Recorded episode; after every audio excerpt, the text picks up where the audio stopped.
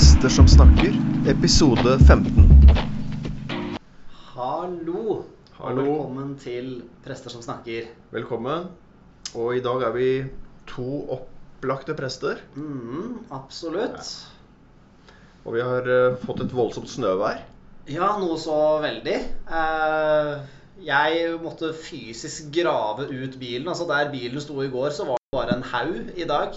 Kan ha vært en nabo som har gått med en snøfreser. Jeg er ikke helt sikker på hva som skjedde der. Men eh, du kom i hvert fall fram. Jeg kom i hvert fall fram. Eh, det var en kamp. Jeg vet ikke om vi kaller det en åndelig kamp. Nei, det tror jeg ikke. Eh, men det er jo faktisk det vi skal snakke om i dag. Ja. Eh, en åndelig kamp, og den kommer jo litt ut av ingenting på en måte. Den skjer litt i sånn spontant øyeblikk. Fordi dagens historie starter jo med at eh, Jesus eh, forkynner, og plutselig så er det en i mengden, står det, som roper på han og kommer og, og legger frem sitt anliggende. Ja. eh, Og så nå på søndag så var det jo det som ble kalt åndskampens søndag. Kalles den det, faktisk? Ja. Det er ikke noe du bare Det lærte jeg noe. Ja, det er i hvert fall jeg snappet opp, da. Det kan hende at det, det var på en eh, At det er fake news. Men jeg, jeg syns det i hvert fall var et utrolig kult uttrykk. da Mm. Åndskampen søndag. Men det er jo hver søndag, er det ikke det? På noen måter, på noen måter, men kanskje særlig aktuelt nå som det er fastetid. da. Mm. Jeg føler at det er jo en tematikk vi har bevega oss rundt mye her i Prester som snakker nå de siste gangene. Nettopp dette med eh, når, når man kjenner det på kroppen, og når man på en måte står litt i de kanskje utfordringene som det praktiske kristenlivet kan by på. da. Ja. Mm. Eh, Og der har jo du noen poenger i preken som jeg gleder meg veldig til å snakke om eh, etterpå. Så bra. Altså for Faren han, eh, han henvender seg til Jesus og sier Kan du hjelpe sønnen min? Uh, han har en ånd, en stum ånd, som han har hatt siden han var liten. Og så beskrives det eh, nærmest som en epileptisk eh, sykdom. At han faller over ende mye, og at han, han faller i mange farlige situasjoner. I ild og i vann, står det jo. Fråd, også han har fråde rundt uh, munnen, så, og han blir helt stiv. Mm, Ja. Så, og så går det over. ja. Mm. Så det er jo ikke rart at mange lesere gjennom, for så vidt ikke bare i dag, men også gjennom, gjennom lang tid, har ofte lurt på altså er det sykdommen epilepsi vi snakker om her. Og mange, i til og med mange bibelutgaver så står det 'Jesus heals an epileptic'. Ja. Ja, så de tar det liksom konklusjonen. Mm. Um, og dermed så så driver Jesus ånden ut. Og det, men jeg har lyst til å starte med én ting som jeg ikke tok med i prekenen. Yeah. Det er at det, Jesus er en ganske sånn ubehagelig person i den fortellingen. Han er litt sånn ehm, øh, Skal jeg si Han er oppgitt over de andre og hvor dårlig og tafatte de er. Mm, Og han blir Han har liksom en sånn arroganse over seg. ja. Ehm, Og det, det husker jeg jeg lurte på da jeg leste den teksten, eh, særlig da jeg var ung, kanskje. Fordi du opplever jo mange steder at Jesus på en måte setter disiplene litt på plass. Eh, og noen steder er det kanskje lettere å skjønne det enn andre. Når de, når de er i båten og Jesus sover og de blir kjemperedde fordi det blir bølger og sånn. Da kan jeg liksom kjøpe litt at ok, Jesus blir irritert fordi se, se hvor rolig jeg er, og, og hvorfor friker dere ut, liksom. Mens her får du jo inntrykk av at disiplene har prøvd sitt beste, liksom. Noen kom til de ba de om hjelp, og de sa ikke sant, Jesus er på fjellet nå, men vi, vi kan godt prøve. Og så prøver de, og de prøver alt de har lært, og det funker ikke. Og så får de liksom kjeft. De og alle rundt får jo kjeft for at de, de har så lite tro. ja. Altså, han sier jo 'Hvor lenge skal jeg holde ut med dere?' Mm. Men, men altså, eh, hvis man leser i, i Markusevangeliet, så er det et tema altså ikke, Det skjer ikke bare her, men det er jo et tema Mm. hvor, eh, hvor eh, mangelen på tro da, er et problem. At Mm. folk ikke vender seg om og tror. Og det, det handler litt om det med, med jødene, at Jesus som jøde, og at jødene ikke ville ta imot ham som uh, Messias. Mm. Og Markus skriver jo litt inn i den uh, sammenhengen der. Så det må man uh, tenke på. Mm. Så det er ikke bare et sånt Og dessuten kunne man jo også tenkt Jesus hadde kanskje en dårlig dag. Altså han var litt sliten eller Han, og så kommer de fra fjellet der, ikke sant? Mm, han prata med Moses og Elia og fått en sånn Ja. kjempeboost, og så kommer han ned, og så er det tilbake til Å ja. Mm. Ja, dere klarte ikke det, nei. nei. Greit.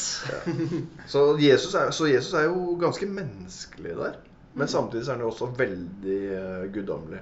Så du får den der absolutte kontrasten. Mm.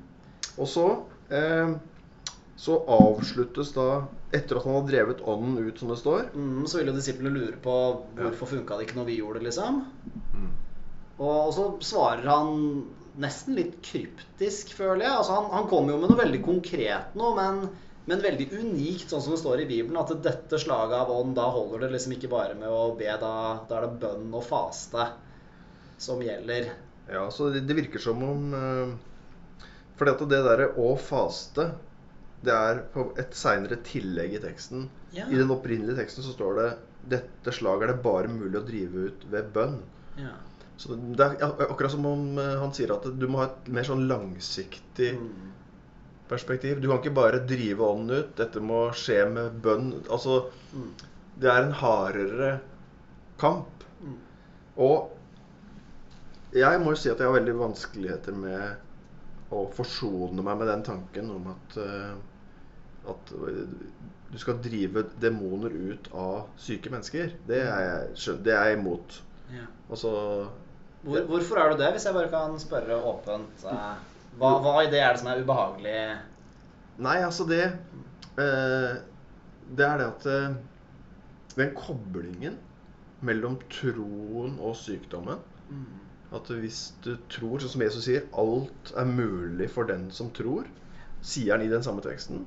Og jeg tenker at det Det er eh, Det er kan være vranglære, rett og slett. Altså, for at du står i situasjoner hvor det er ikke troen din Det er ikke din mangel på tro som er problemet. Noen ganger kan problemet være at du har for mye tro.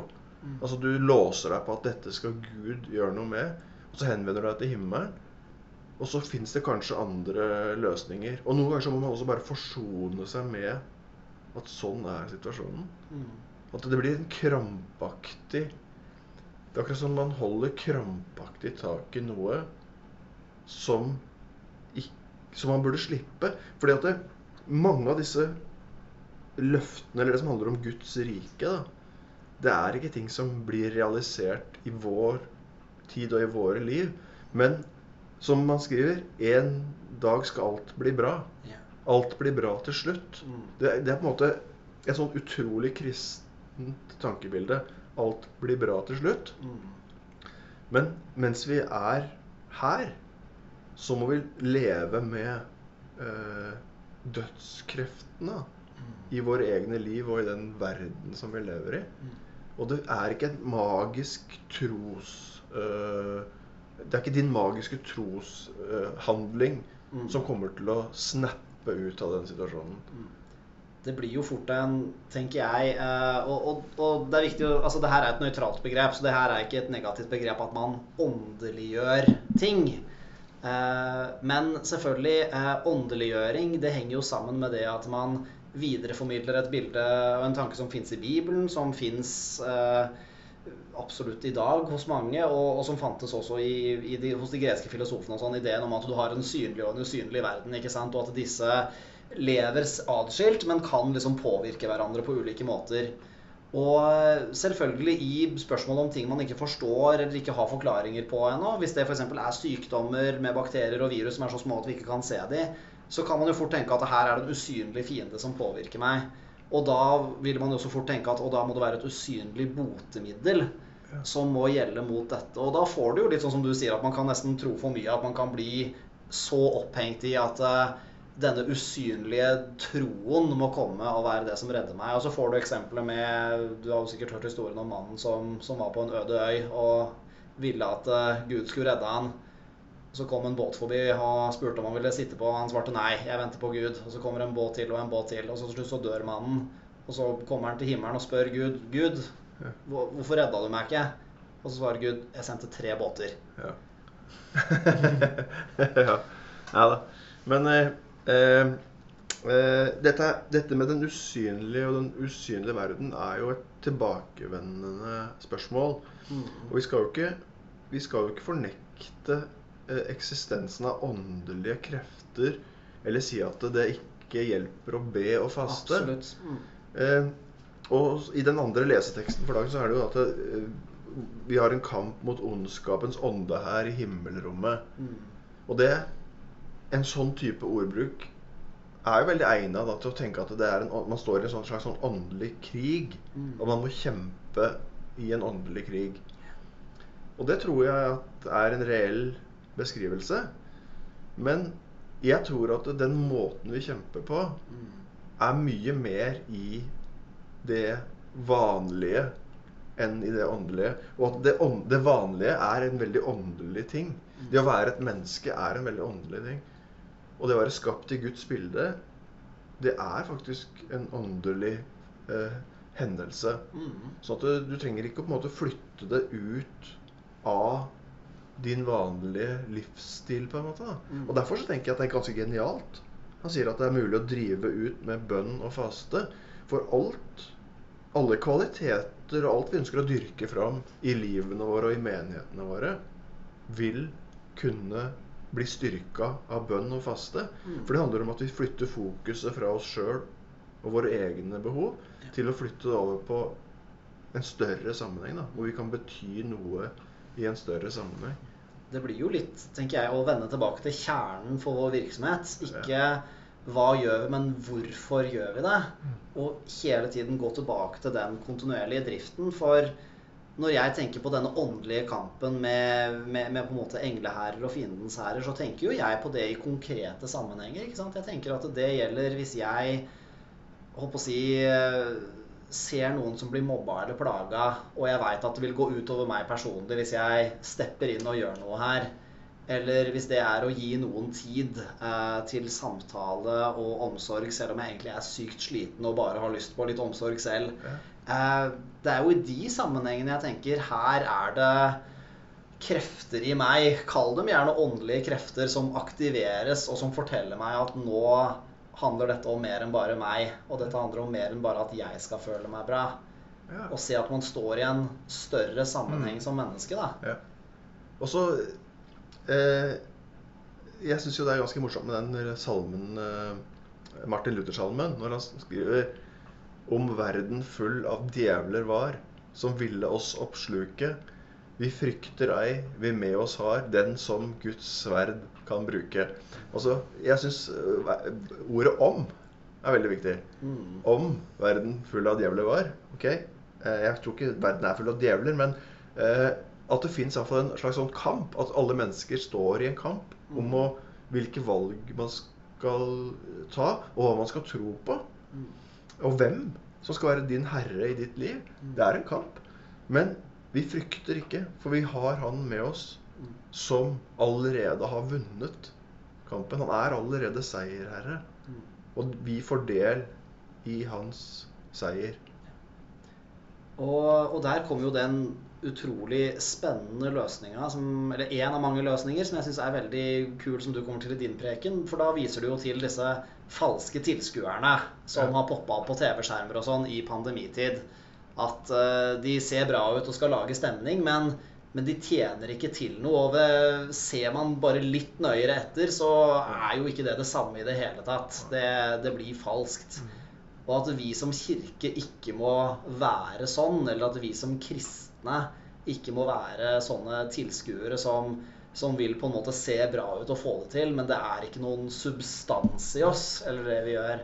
Og at det kan jo være en måte vi kan liksom trekke det åndelige inn i vårt virke på, Ja. på en måte. At uh, vi gjør ikke de tinga vi gjør bare for at det skal tjene oss sjøl.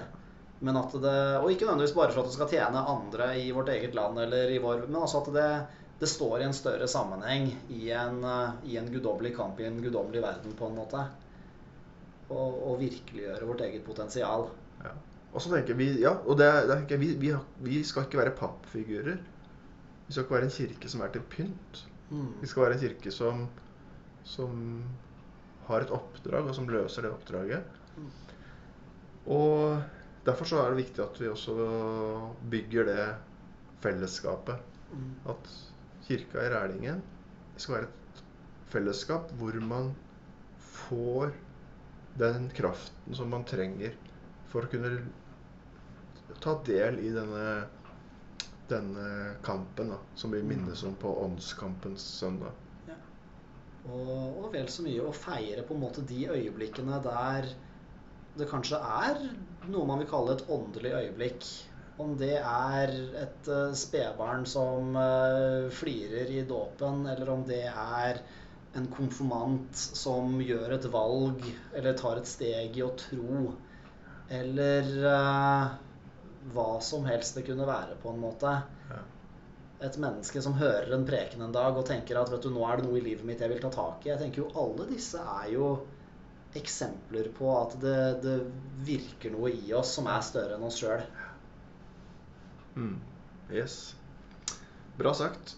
Eh, vi møtes igjen neste uke. Da er det ny episode. Jeg har en plan. Eh, skjærtorsdag så tenkte jeg at vi skulle ha et uh, måltid. Ja. Og jeg har tenkt å kalle det 'Prester som spiser'. Eh, det er ikke sikkert du får vært med, for det kan hende du er på ferie. Men vi skal i hvert fall ha et påskemåltid i Rælingen.